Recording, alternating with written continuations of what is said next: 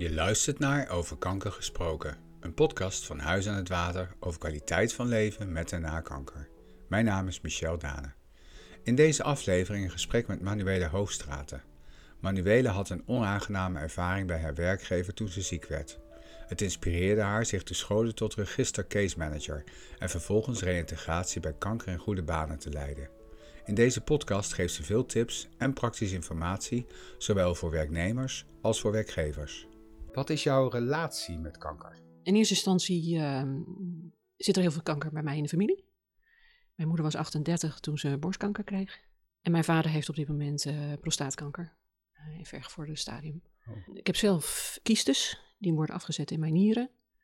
Maar het zijn er heel veel, uh, waardoor de mijn nierfunctie dus steeds slechter wordt.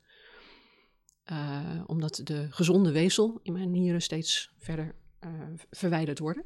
Kiezen zijn in principe natuurlijk geen kwaadaardige tumoren. Uh, maar het zijn er zoveel dat het dus echt raakt aan uh, ja, de functie van mijn nieren. Ik had de pech dat, ik, dat ze ook in mijn lever zaten. Mijn lever was inmiddels wel vijf keer zo groot geworden. Dus inmiddels ben ik getransporteerd. Ik heb een nieuwe lever gekregen. En ik sta nu nog op de lijst voor een nieuwe nier. Dus, zo, je hebt een ja. heel medisch verleden achter je. Ja. Ja. ja. Dus, ja. Want je werkt ja. vanuit Huis aan het Water voor mensen die teruggaan naar het arbeidsproces in veel gevallen. Uh, dus ja, ik neem aan dat je heel goed herkent waar die mensen in zitten. Ja, en op het moment dat ik de diagnose kreeg en het vervolgens bij mijn werkgever moest melden, is daar niet zo heel fijn op gereageerd. Hmm. Dus ik merk nu achteraf dat ik het heel fijn had gevonden als ik een buddy had ge gehad, die mij erop had gewezen wat mijn rechten en mijn plichten zijn. En mij ook had begeleid tijdens, de, tijdens mijn hele reïntegratie. Nou, daar gaan we het nou precies over hebben in deze podcast. Ja. Want uh, jouw officiële titel is een vrij ingewikkelde. Hoe luidt die precies? Register Case Manager. Ja, uh, en dan is meteen de vraag, wat is dat dan? Wat is dat dan? Uh, arbeids- en reïntegratiebegeleiding voor mensen die, die ziek zijn. En dat is wat ik ook hier bij het Huis aan het Water doe. en dan heel specifiek kanker en werk. Um, ik merk gewoon ook uit de gesprekken dat het heel belangrijk is om een hele goede begeleiding te hebben tijdens reïntegratie. En dat doe je al een behoorlijke tijd, dus je hebt ook echt al wel wat, uh, wat ervaring. Daar wil ik heel graag meer over horen. Maar dan in eerste instantie, eh, je hebt het over een buddy. Ik zou graag een buddy hebben gewild, dus iemand die mij begeleidt. Uh, kun je iets vertellen over hoe je eigen proces ging, zonder mensen in discrediet te brengen, maar gewoon om een beetje begrip te hebben of inzicht te krijgen hoe, hoe ging dat dan, dat proces? Jij, jij kreeg diagnose dat je problemen had met je uh, nieren, begon het, hè? Ja. Um, en hoe is dat toen verlopen? Want je had werk op dat moment? Ja. Kun je wat over vertellen? Wat, wat gebeurde er? Ik had heel leuk werk op dat moment. Uh, ik was uh, projectleider. Ik had een ontzettend leuk project en dat verliep ook heel leuk. Totdat ik in 2013 inderdaad de diagnose kreeg en voor het eerst naar mijn leidinggever ging en hem wilde informeren daarover. En het eerste wat hij toen tegen mij zei was: Manuela, wat betekent het dan voor de organisatie? En toen oké, okay. uh, nou in eerste instantie ben ik er nog even mee bezig. Wat betekent dan voor mij? Hè? En voor mij en van, voor mijn. Maar dat was niet de focus van je leidinggevende? Nee, nee, even niet. Tuurlijk, ik, snap, ik snap zijn reactie. Hè? Uh, eigenlijk bedoelde hij: wat betekent het dan voor je, voor je functie en voor je werk en dergelijke? Maar daar was ik op dat moment even niet mee bezig. Ik was even in eerste instantie even mee bezig van uh, wat betekent het dan voor mij, hè, voor mijn toekomst, en voor mijn leven, voor mijn omgeving, uh, voor alles en iedereen. Uh, daar was ik eigenlijk in eerste instantie gewoon mee bezig. Ja, natuurlijk. En ja. met een behandeling, wat, hè, kan ik nog behandeld worden? Hoe ziet die behandeling er dan uit? Eh, hoe ziet mijn toekomst eruit? Wat is de prognose? Daar was ik nog mee bezig. Want en, meldde je ziek op het moment dat je die diagnose kreeg? Nee, ik heb in eerste instantie niet ziek gemeld. Ik heb eerst gezegd, joh, luister, ehm, dit is wat er aan de hand is. En um, weet dat, uh, hè, dat ik wel ook uh, naar het ziekenhuis moet uh, en dergelijke. Je informeerde in feite je leidinggevende? Eigenlijk informeerde ik hem eventjes. Dat ja. ik van, god, weet dat. Ehm, totdat ik op een gegeven moment, een paar maanden later, dacht van... Nou, ik weet het niet, het gaat niet zo goed met me. Ik weet niet of ik dit wil gaan volhouden, fulltime werk. En toen ben ik zelf, en dat is ook, um, dat wijs ik ook iedereen op. Er bestaat namelijk een arbeidsomstandigheden spreekuur. Dat betekent dat je zelf een afspraak kunt maken met de bedrijfsarts. Dus stel mm. dat het niet goed gaat met je, je denkt, nou, het gaat gewoon niet goed, dit heeft ook invloed op mijn werk. Ik wil graag een bedrijfsarts spreken. Ja. En dat heb ik toen gedaan. Ik heb een afspraak gemaakt en toen heb ik tegen de bedrijfsarts gezegd, joh, luister, ik weet het even niet, vertel me. Hoe ga ik dit aanpakken? Nou, en toen heb ik eigenlijk een hele goede uh, goed advies gegeven. In eerste instantie heeft hij mij doorverwezen naar Huis aan het Water. Omdat ik natuurlijk ook met heel veel vragen zat. Uh, hij kende namelijk Matti. Hij zei, je moet gewoon een keer met Mattie afspraak maken en ga je daar gewoon een keer kijken.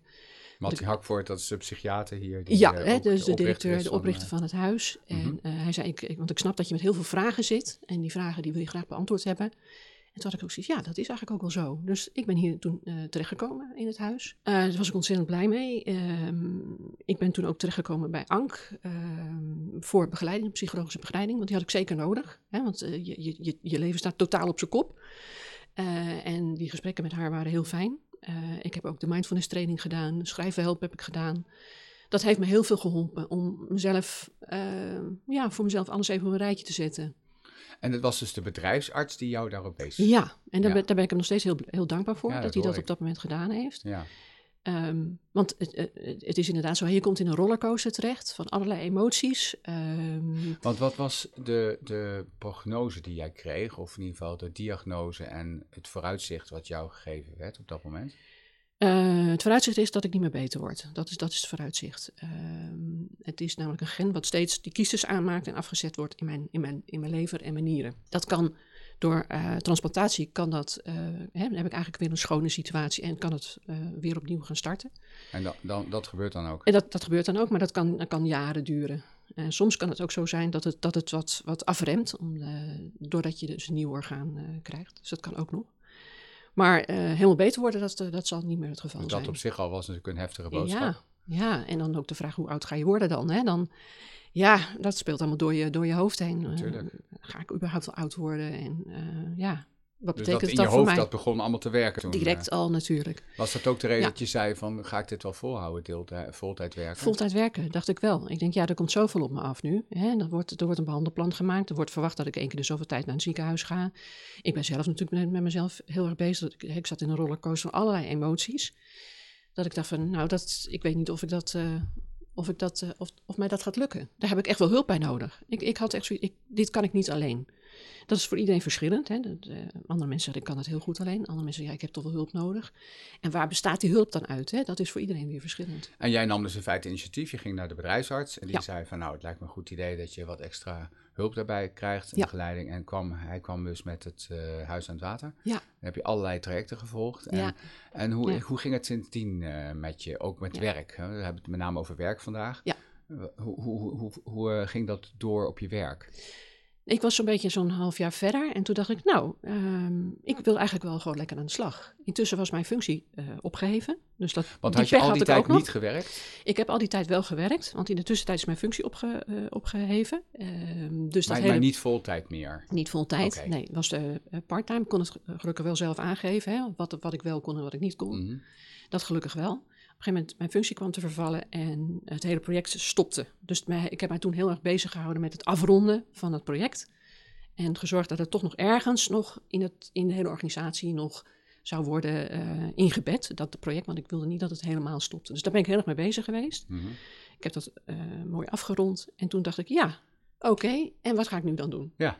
Mijn leidinggevende zei, ik heb, ik heb geen werk meer voor je. Eh, dus Was ik- dat diezelfde leidinggevende? Dezelfde leidinggevende. En eh, toen ben ik eigenlijk zelf de hele organisatie rondgegaan en bij managers gevraagd: Goh, ik ben beschikbaar, dus heb je iets voor mij? Ik ben uiteindelijk ook nog in de OR terechtgekomen, dus ik heb ook heel veel OR-werkzaamheden gehad, maar dat deed ik allemaal een beetje part-time. En vervolgens kwam niemand met vervangend passend werk voor mij.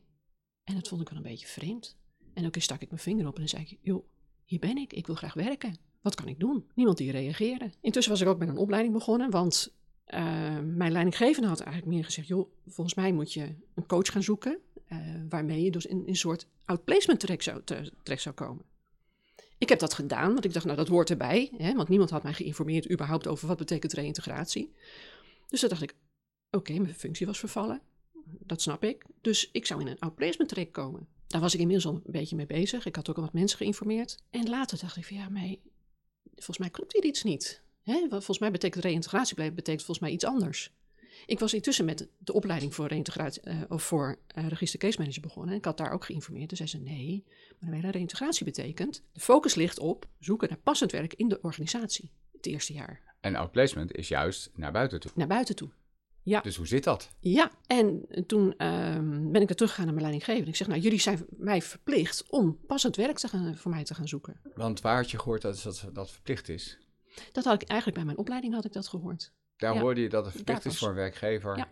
Want dat weet lang niet iedereen, nee, hè? Nee. Want kun je er iets meer over vertellen? Wat, wat betekent dat precies voor een werkgever?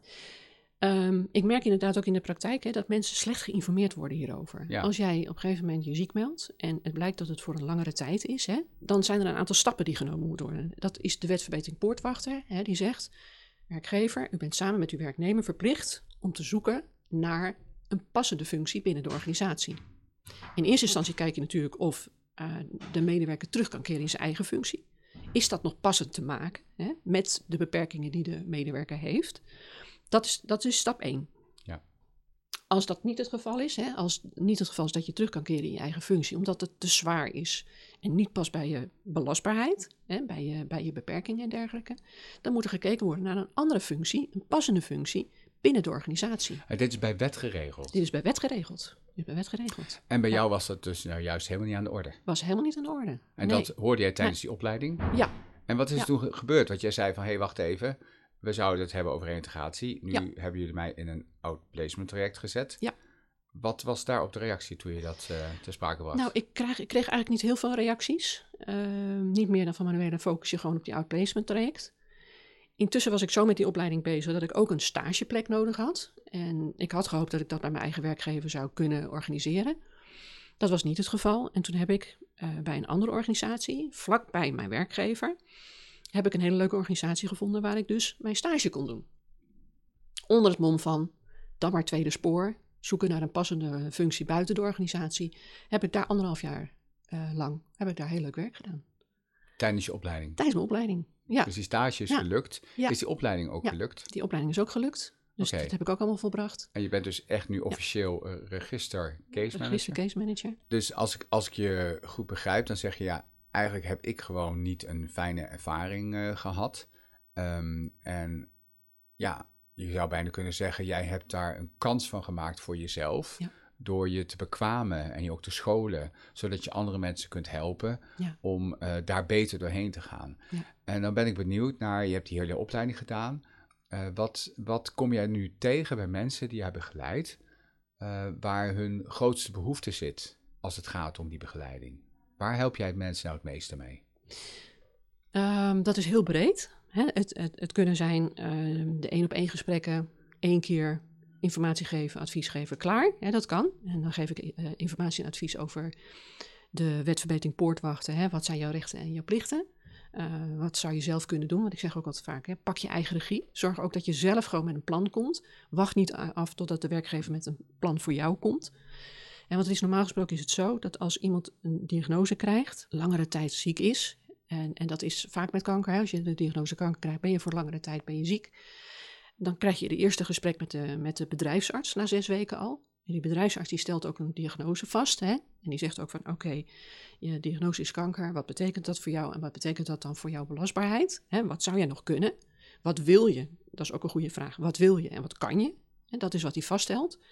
Vervolgens ook zegt, nou, dit zijn de beperkingen die jij, die jij hè, eh, Dat doet de bedrijfsarts dat doet de bedrijfsarts. Ja. En die zegt, dit zijn je beperkingen en die zijn belangrijk, want dat zijn gevolgen voor, hè, die kunnen eh, gevolgen hebben voor jouw werk. Dat moet jouw leidinggever moet dat weten. Dus jouw bedrijf, die bedrijfsarts die stelt een probleemanalyse op. Die zegt, oké, ik heb eh, de meneer of de mevrouw gezien. Ik stel vast dat hij nog wel belastbaar is voor werk. Maar hij loopt wel tegen een bepaalde beperking op. Dat zou kunnen zijn vermoeidheid, hè, wat je heel vaak hoort. Vermoeidheid, eh, concentratieproblemen, geheugenproblemen. Nou, en zo zijn, zijn er nog wel meer dingen. Maar dat zijn wel de meest belangrijke. En dat kunnen gevolgen hebben voor, voor het werk. Dus ik stel vast dat deze persoon belastbaar is voor twee, twee dagen van twee uurtjes. En zo wordt dat meestal wordt dat Ja, gesteld. ja, ja. Soms kan het ook zijn dat iemand nog in een behandeltraject zit. En dan stelt zo'n be- bedrijfsarts ook vast, nou, hè, met deze meneer zit nog eh, in een behandeltraject. Dit kan even een, enige tijd duren. Ehm, maak afspraken over hoe deze persoon toch binding kan, kan blijven houden met, het, met de organisatie en met het werk. En dat kan zijn dat die persoon één keer in de week misschien even een uurtje langskomt, eh misschien even bijgesproken wordt. En daar kunnen allemaal afspraken over gemaakt worden. Wat is, wat is belangrijk om deze persoon met zijn beperkingen toch ervoor te zorgen dat hij weer terug kan keren in zijn werk. Focus 1 is terugkeren in eigen werk. En de tweede focus is eventueel, als dat niet meer kan, in passend werk. ja. Zo, en dan wordt het, de probleemanalyse wordt vastgelegd in een plan van aanpak. Ja. Dat wordt verder uitgewerkt en dan moet daarin moeten de afspraken terechtkomen die jij samen met je leidinggevende maakt over hoe keer jij weer terug in je eigen functie. En wat heb jij daarvoor nodig? Wat kunnen, welke interventies kunnen daarvoor ingezet worden? Dat kan zijn een coach, uh, dat kan zijn een gesprek met een, met een psycholoog, of misschien fysiotherapie of dergelijke. Wat heb jij allemaal nodig? En dat leggen we, dat leggen we dan vast. Oké, want je zegt nu opeens, uh, leggen we dan vast? En want is dat ook het antwoord op mijn vraag van wat zie je dat mensen vooral nodig hebben? Ja. Uh, dat is die begeleiding om hiertoe te komen. Ja. Klopt dat? Ja. Want, want je zegt een bedrijfsarts en je zegt de leidinggevende, maar dan krijg ik het beeld van een grote organisatie. Uh, er zijn natuurlijk ook heel veel kleinere organisaties waar ook mensen ziek kunnen worden. Ja. Geldt dat dan precies hetzelfde? Geldt precies hetzelfde. En waar zit dan die bedrijfsarts? Want die zit vaak niet in dat bedrijf. Nee, de, de, de, de werkgever heeft afspraak met een arbodienst. Je bent verplicht als, als organisatie om uh, een contract uh, vast te leggen met een arbodienst. Dat is, dat, ook dat, als je een heel klein bedrijf bent. Ook als je een heel klein bedrijf uh, bent. Ja, een, ja. Een, een, een, in de detailhandel, je hebt uh, vijf medewerkers. Ja. Dan moet je toch een contract hebben met ja. een arbeidsdienst. Ja, want waar, waar ga, ga, jij naartoe met je werkgever, met je werknemer die ziek wordt en voor langere tijd ziek uh, is? Jij bent verplicht om uiterlijk zes weken na de eerste ziekmelding om die persoon naar een bedrijfsarts te sturen. Ja. En die bedrijfsarts die maakt, die maakt een, een probleemanalyse op. Komt het wel eens voor dat een werkgever dit allemaal niet weet? Ja. Ja. Ja. dus die schrikt zich natuurlijk een hoedje. Ja. Van wat gebeurt hier nou? Ja. Of dit, dat hij zegt, weet je, doe jij even lekker rustig aan. Ga jij lekker naar huis. En vervolgens hoort die medewerker helemaal niets meer. Dat komt zit, voor. zit die medewerker ineens gewoon een jaar thuis. En dan moet er ineens een eerstejaarsevaluatie opgemaakt worden. En dan krijgt een, een medewerker een uitnodiging om langs te komen bij de, bij de, bij de werkgever. Want er moet ook ineens een, een, een, een eerstejaarsevaluatie opgemaakt worden. Want dit, dit gebeurt dat dat traject wat je net schetste eigenlijk helemaal niet wordt gedaan. Ja. Hè, dat iemand in feite gewoon wordt gezegd, joh, ga maar lekker naar huis. Ik merk ook dat als mensen een jaar niet naar het werk zijn gaan, die, die drempel om dan weer naar je Ja. werk te gaan, die wordt steeds hoger. Ja. En op een gegeven moment dan ga je er zo tegenop zien dat jij na een jaar denkt, ja, moet ik nou nog terug naar mijn werk? Oh, poeh, heel veel stress ook. Hè? Dat je denkt, ja, maar ja. Wat je natuurlijk helemaal niet kan gebruiken, want Nee. het is net nee. weer misschien aan de betere hand met je. Ja, ja, ja. Is, dit nou, is dit nou vooral wat een case manager doet? eh, Ja. Om, ja? ja. Hè, zowel eh, te zorgen dat die werkgever op de hoogte is van de wet, eh, de wet verbetering Dus je informeert in feite veel. Ik informeer de, de werknemer van, of de werkgever, Ja. let op, hè, dit, dit zijn de, de, de, jouw plichten, maar dit, dit zijn jouw rechten, dit zijn jouw plichten. Weet dat, je, dat dit moet. Want stel dat het niet gebeurt en die medewerker is twee jaar ziek, komt hij bij het UWV terecht en gaat daar een uitkering aanvragen. Maar wat doet het UWV? Het UWV gaat dus toetsen of er voldoende gedaan is binnen dat reïntegratietraject. En of de, zowel de werkgever als de werknemer voldoende hebben gedaan en zich hebben gehouden aan de wet, wetverbetering poortwachter. Dus is er een probleemanalyse? Is er een, een plan van aanpak? Is er een eerstejaarsevaluatie? Enzovoort. Al die dingen die je moet doen binnen de wetverbetering poortwachter. Dat wordt nagetrokken. Wordt en eh, nou ja, laten we toch maar even uitgaan van het negatieve. Stel, eh, UWV stelt vast, eh, nou ja, er is eigenlijk nou eens iets gedaan. Nu, na twee jaar, komt die medewerker bij ons vragen om een uitkering. Wat gebeurt er dan? Dan kan de, werkge- de werkgever een boete krijgen. Hmm, En die boete is dat hij nog een jaar lang het loon moet doorbetalen. kijk, Maximaal 52 weken. Als hij binnen die 52 weken laat zien dat hij het allemaal weer gerepareerd heeft, hè, dat het allemaal weer in orde is, hij heeft inmiddels alle, hè, alle verplichtingen heeft hij weer aan voldoen, kan het dus ook minder dan die 52 weken zijn, maar hij krijgt wel een sanctie opgelegd. dat zijn nogal Ja. consequenties voor Ja. een werkgever. Ja. Dus, dus een belangrijk deel van jouw werk, hoor ik van je, is dat je de werkgever informeert over deze plicht Ja. die hij heeft. Ja. Eh, zitten er ook plichten aan de kant van de werknemer? Ja, die werknemer moet ook aan eh, een aantal verplichtingen voldoen. Hij moet sowieso moet hij meewerken aan zijn herstel. Hij moet meewerken aan eh, de reïntegratie. Eh, er wordt van hem ook verwacht dat hij zelf ook acties onderneemt. Hè, dat hij ook zelf komt met eh, een aantal oplossingen Ehm, ik zeg ook altijd, pak je eigen regie. En dat zei ik net ook al eerder, hè, pak je eigen regie. Zorg dat je zelf ook nadenkt. En wacht niet af totdat de werkgever met een plan komt. Maar... Je hebt alle recht van spreken, want je hebt dat ook echt zelf gedaan. Hè? Ja. En is dat ook wat je, wat je bedoelt als je zegt pak eigen regie? Want dat, dat horen we zo vaak. Hè? De patiënt ook in de medische wereld moet eigen regie pakken. En vaak denk je, ja, wat is dat dan precies? Maar dat gaat er dus om in dit geval dat iemand nadenkt over wat kan ik wel. Ja, maar dat is ook de hele nieuwe wet. Hè? De hele nieuwe wet is ook dat je vooral kijkt wat kan je nog wel. Hè? Wat zijn jouw mogelijkheden? Dat is, dat, dat is ook de hele nieuwe uh, wet, ook de hele nieuwe WIA-wetgeving, uh, is dat je vooral kijkt naar wat kan je nog wel. En dat is ook wat het UWV doet. Hè? Die kijkt ook na die twee jaar, wat kan je nog wel? We gaan niet kijken wat kan je niet. Nee, we gaan kijken wat kan je nog wel. Wat zijn je arbeidsmogelijkheden? Ja. Wat is je vermogen om toch nog te kunnen werken?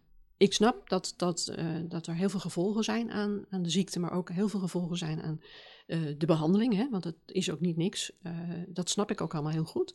Maar denk ook vooral, wat zou je nog wel kunnen? Ondanks dat je toch vermoeid bent, ondanks je misschien pijn voelt, misschien hè, je concentratieproblemen hebt of geheugenproblemen. Kijk dan toch nog wat je wel kan. En ik zeg ook, probeer dan toch te starten met twee uurtjes in de week. We bouwen heel langzaam belastbaarheid op dat is natuurlijk de hele reïntegratietraject. Is, hè, is, alles is erop gericht om die persoon zo snel mogelijk weer in het arbeidsproces te krijgen. Ja. Of als hij er al eenmaal in zit, om te kijken of hij dan weer een beetje zijn belastbaarheid zou kunnen opbouwen. Daar is alles op gericht.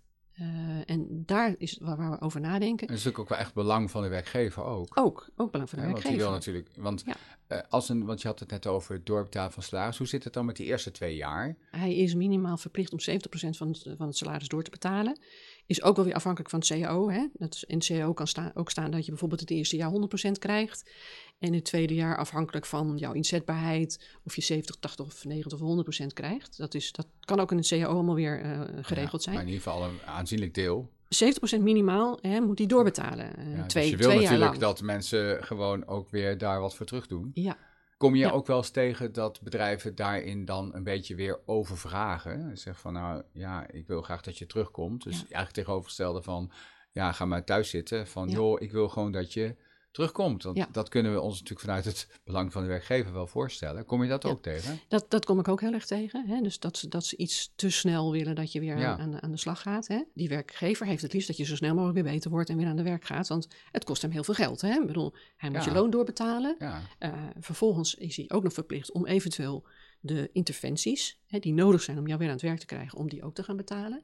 Dat zit bij, uh, bij die regeling in, dat hij dat, moet doen? Dat uh, sommige grote werkgevers hebben vaak ook een reïntegratiebudget. Hè, Waarvan ze zeggen, nou oké, we hebben een budget waar, waarvan we dus een aantal Is dat vrijwillig of ben je verplicht om daar uh, iets voor te mm, doen? Dit is niet, niet verplicht, nee. Maar sommige bedrijven hebben dat wel, ja. Maar ik kan me voorstellen, dat, dat, dat hoort ook een beetje bij goed werkgeverschap natuurlijk. Ja, dat je dat als grote organisatie in ieder geval graag wil doen. Ja, dat je dat ook aanbiedt. Hè? Dat je zegt, joh, we hebben een budget, dus uh, stel je hebt wat nodig, stel, eh, stel, je hebt een coach nodig, of hè, dan kunnen we dat voor jou betalen.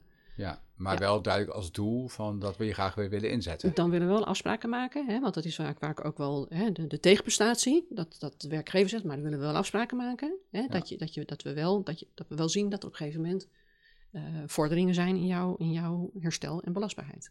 Ja, dat is dan waar het echt om gaat uiteindelijk. Ja. Uh, maar goed, dat, dat hoeft elkaar niet uit te sluiten. Het is goed voor beide. Hè? Het is goed voor de medewerker, het is goed voor de werkgever. En jij zit daar als een buddy in, dat zei je al eerder.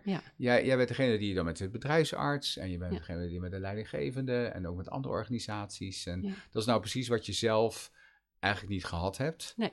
Ben je ooit nog eens teruggegaan naar die werkgever om eens te praten over uh, wat je nu aan het doen bent en hoe je terechtgekomen bent? Nee, heel veel mensen weten het wel hoor, dat ik, dat ik hiermee bezig ben inmiddels. Okay. Dus dat weten ze wel. En, ja. uh, ik, ik zou het zeker, en, en, mijn leidinggevende werkt daar niet meer, dus ik zou het daar niet meer met hem over kunnen hebben. Maar uh, ja, het, het, ja. het, is wel belangrijk om te weten wat het met iemand doet. Weet je, dat is belangrijk om, om een gemotiveerde medewerker te houden die graag aan zijn reintegratie wil werken, omdat hij heel graag wil weer terugkeren in zijn eigen functie. En als dat niet kan in een passende functie, binnen de organisatie het liefst. Ja, ja. Dat, is, dat is eigenlijk een beetje de, het doel van waar we naar streven. Ja, en, en zo te horen belangwekkend werk, zowel voor de medewerker als voor de organisatie. Ja. Wat zijn nou de, de lessons learned? Hè? Dus wat heb je nou echt tot nu toe in het werk wat je gedaan hebt op dit terrein uh, ondervonden als zijnde heel belangrijk. Van joh, als je hiermee te maken krijgt als werkgever of als je hiermee te, te maken krijgt als werknemer, denk dan in ieder geval hier aan. Ja. Dit is echt belangrijk. Wat zou je dan zeggen? Nou, ten eerste, hè, voor iedereen is het weer verschillend. Uh, hè, iedereen gaat er op zijn eigen manier mee om. Iedereen heeft ook uh, verschillende na, naweeën, uh, gevolgen van behandelingen. Hè. Dus je kan niet zeggen, we hebben één product waarvan we zeggen, dat plakken we op iedereen. Dat is ook altijd wat ik bij de bedrijfsarts ook zeg. Hè? Want bedrijfsartsen hebben vaak een format en dat plakken ze op iedereen. Al heb je een burn-out of heb je een gebroken been of al heb je kanker. Ze plakken altijd datzelfde format op al die, al die uh, medewerkers. Zo werkt het niet. Uh, iedereen is verschillend. Dus iedereen heeft zijn eigen begeleiding nodig. Hè? Persoonlijk op maat uh, afgestemd. Dat is heel belangrijk. Dus ga in gesprek. Uh, leidinggevende en medewerker, ga in gesprek. Ook zo belangrijk. Hè? Blijf ook in gesprek met elkaar. Ook gedurende die twee jaar, blijf ook in gesprek met elkaar. Over waar sta je nu? Wat heb jij nodig? Wat, wat kunnen wij als werkgever, wat kunnen wij voor jou betekenen? Kijk, een tip aan beide kanten, hè? Ja. Voor beide kanten van zoek dat contact op, blijf in die dialoog. Blijf in, blijf in, in gesprek. En wat heb werk, die werkgever ook regelmatig van, wat heb jij nodig van ons om te zorgen dat jij weer kunt terugkeren of aan het werk kunt blijven. Ja. Ehm, hè, wat, wat heb jij van ons nodig? En werknemer, denk vooral zelf na, hè, ook voor jezelf, maar ook voor uh, het hele proces. Wat heb jij nodig? Hè, wat, kun, wat kunnen wij bij Huis en Water voor jou bieden om uh, de hele reïntegratie uh, makkelijker te laten, of beter en eff effectiever te laten verlopen. Ja, en dat zei je al eerder, dus die regiefunctie, hè, zorg ja. echt dat uh, dat je regie houdt en dat je regie neemt over je eigen werk en je eigen leven in feite. Dat, uh, want je noemde net van ja, het wordt een beetje op één hoop gegooid. Ik ben dan wel benieuwd, want je staat dan met name opgesteld voor mensen die getroffen zijn door diagnose kanker. Um, is er iets over te zeggen wat nou een terugkerend probleem of een terugkerend uh, uitdaging is voor mensen als het gaat om werk? die dan door kanker zijn getroffen. Wat is daar nou zo kenmerkend aan? Er is vaak heel veel onbegrip, merk ik. Uh, het is nog zo'n vaag gebied. Hè, van wat betekent dat dan voor een medewerker als je getroffen wordt door kanker? Wat betekent dat dan? Onbegrip bij een organisatie? Bij een organisatie. Hè? En soms, uh, een medewerker weet het vaak soms ook niet. Hè? Die wordt erdoor getroffen. En uh, nou ja, ik heb het zelf ook meegemaakt. Uh, de grond wordt onder je voeten vandaan ge, ge, ge, geslagen. Je weet het zelf ook even niet. Hè? Ik, ik, weet dat ik zelf ook een paar dagen gewoon apathisch op de bank heb gezeten. Want je weet het ook gewoon even niet. Hè? Je denkt van, oh help. Ik merk ook dat mensen ook soms in paniek raken. Hè? Ik merk ook soms mensen die normaal gesproken altijd goed de touwtjes zelf in handen houden. En uh, het allemaal voor zichzelf allemaal kunnen regelen. Ineens zo in paniek raken. Omdat, nou ja, als je de diagnose kanker krijgt, betekent dat wel voor je. Hè? Ja, je gaat wel over nadenken over het leven hè? en over, nou ja, uh, over de dood. Hè? Dat zijn ook van die dingen die vaak ook in je opkomen. Uh, dat ze zo in paniek raken dat ze het soms even niet meer weten. En dan ontstaat er een, een soort onbegrip bij de, bij, de, uh, bij de werkgever, die daar ook niet adequaat op reageert. en dan merk je dat er ineens een conflict ontstaat. En dat je denkt, oh, wacht even. En dan is, wordt de focus op het conflict uh, gelegd. Maar waar, waar, komt dat conflict dan vandaan? Omdat er zo, soms zo'n onbegrip is dat in de ah. hele communicatie het niet meer verloopt. Dat loopt, verloopt op een gegeven moment zo stroef. Um, ik had laatst ook een mevrouw die, um, die had te maken met een nieuwe leidinggevende. Die man die was er net. Uh, dus zij moest ook nog een beetje wennen aan hem en hij ook nog een beetje aan haar. Ze heeft, ze heeft een, een beetje onbegrip uh, ervaren bij deze meneer. Want deze meneer was ook gewoon want dat moet ik ook nog even zeggen, dat een leidinggevende is vaak ook, wordt ook vaak aangewezen als de case manager voor deze persoon. Maar die leidinggevende is soms met hele andere dingen bezig. Want die is er veel meer mee bezig van, uh, hè, heeft heel veel... Maar jij bent toch de case manager? Nee, in, in sommige organisaties is het zo geregeld dat die, dat die leidinggevende ook tevens de case manager is. En hij kan ervoor kiezen om die taak ergens anders neer te leggen. Dat kan. De werknemer kan er ook voor kiezen. Hè. Die kan ook zeggen: God, luister, uh, leidinggevende. Ik denk dat het beter is dat de rol of de taak van, van case manager even ergens anders neergelegd kan worden. Dan die leidinggevende die ook verschillende petten op heeft. Hè? En die hiërarchische relatie die in feite zit. Hè? Die ook in, ja, ja, precies. Ja, ja, ja. En die leidinggevende is soms ook met, hè, zoals in dit geval waar ik net over had. Dat was een interim manager. Die was er vooral mee bezig om eens even een hele frisse wind door die, door die, door die afdeling heen te, te laten waaien. Dus die was er ook vooral mee bezig om mensen dus, uh, ja, te ontslaan. Hè? Of in ieder geval erop te wijzen dat ze misschien wel eens wat anders moesten gaan doen. Waardoor er bij die medewerker natuurlijk ook iets ontstaat van... Oh, maar ik ben de volgende, want ja, ik ben nu ziek, dus ik ben de volgende. Hè? Dus dat, dan ontstaat er een, een, een heel naar uh, sfeertje ontstaat dan op een gegeven moment. De communicatie verliep ook niet lekker. Uh, dus dan op een gegeven moment ontstaat er een soort conflict. Uh, en dat is, dan is, ligt de focus ook daarop, hè? En niet meer op die reïntegratie. Ja. En dan ligt het niet meer op de reintegratie van... oké, medewerker, maar wat heb jij nou nodig van mij? Dat staat natuurlijk een hele onveilige situatie. Hè? Net wat je niet nodig hebt. Nee, is net wat je niet nodig hebt. Want er is natuurlijk al een, onveilig, een, een, niet zo veilige situatie... omdat je een nieuwe leidinggevende hebt. Hè? Dus je hebt al zoiets van, ja, een beetje aftasten... Hè? van wat kan ik daar nou wel neerleggen, wat kan ik daar niet neerleggen... wat kan ik bespreken of niet bespreken. En die krijgt dan dus die rol van case manager. Die krijgt dan ook deze rol van case manager. En die, die zit daar met verschillende pet op. En dat is heel lastig om dan met hem te gaan bespreken van... kunnen we afspraken maken over een opbouwschema? Kunnen we afspraken maken over... nou ja, wat heb ik nodig? Uh, ik kan me voorstellen dat je op zo'n moment liever kiest dat iemand anders dat case management doet. Dat is ook vaak dan ook uh, beter hè, dan dat je zegt, nou weet je, dan leg ik de rol van case manager even ergens anders neer. Ja. Eventjes bij een andere persoon binnen de organisatie, maar nog beter een andere persoon buiten de organisatie die er even met een objectieve bril naar kan kijken. Ja. Die zowel de medewerker als de werkgever adviseert en informeert over het hele reïntegratietraject. Ja, en dan kom jij bijvoorbeeld in beeld. En dan kom ik in beeld. Ja, ja. Tot slot dan die vraag: stel je hebt een bedrijf en je wordt binnen je bedrijf getroffen door uh, kanker, omdat een van je medewerkers die diagnose krijgt. Wat, wat zou je dan aanraden aan zo'n werkgever om in ieder geval als eerste stap te doen? Ga het gesprek aan met je, met je, met je werknemer. Hè? Zorg dat je, dat je daarvoor open ja, staat. Ja, hij is ziek, ik wil hem niet belasten. Ja. nee, hij moet even rust houden, hij moet thuis zijn. Nee, ik zou altijd contact opnemen. Ja? Hè, al is het maar even om te vragen, hoe gaat het met je? Je mag er niet naar vragen. Je mag niet vragen naar de ziekte, hè, want dat mag je niet. Je mag er ook niets over noteren als werkgever. Dat mag niet. Je mag wel vragen, hoe gaat het met je? Uh, en wat kunnen wij nog voor jou betekenen? Dus je mag niet vragen naar uh, wat heb je. Hè? Uh, als die medewerker erover wil vertellen zelf, is dat prima. Hè? Dat kan, dat mag. Dus je mag als medewerker zeggen, joh, ik ben getroffen door kanker en ik heb de diagnose gekregen. Dat is dan prima. Maar die, die werkgever mag daar niets over noteren.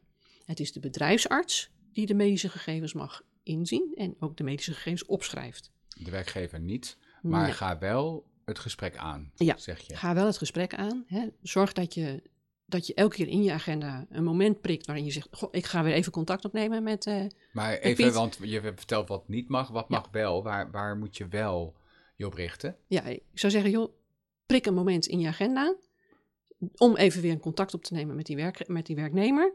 En zeg dan: Goh, joh, ik snap dat je in een hele vervelende, situatie zit, maar hoe gaat het met je? En wat kan ik voor jou betekenen? Oké. En noteer ook wat je met elkaar afspreekt. Hè, schrijf dat ook op. En dat je zegt: joh als je het goed vindt, neem ik over twee weken weer even contact met je op. Informeer ik gewoon even weer hoe het met je gaat. het is een dunne lijn eigenlijk, hè? Want er zijn toch echt een paar dingen waar je dan niet aan mag komen als werkgever. Maar je zegt, uh, laat het niet na om contact te zoeken. Toch die contact te zoeken. En zeggen, wat kan ik voor je betekenen? Dat is zo ook belangrijk. Die vraag, die vraag om, uh, zo'n belangrijke vraag om te stellen. Wat kunnen wij als organisatie, wat kunnen wij of wat kan ik als leidinggevende voor jou betekenen? Wat heb je nodig? Dus laat eigenlijk uh, je medewerker niet zwemmen. En laat, laat hem niet vallen, dat zeg je. Nee. Ja. dat is een mooie, mooie afsluiting met dit gesprek. Dankjewel Manuele voor al je inzichten en het delen van je ervaringen. En uh, heel veel succes met je mooie werk. Dankjewel.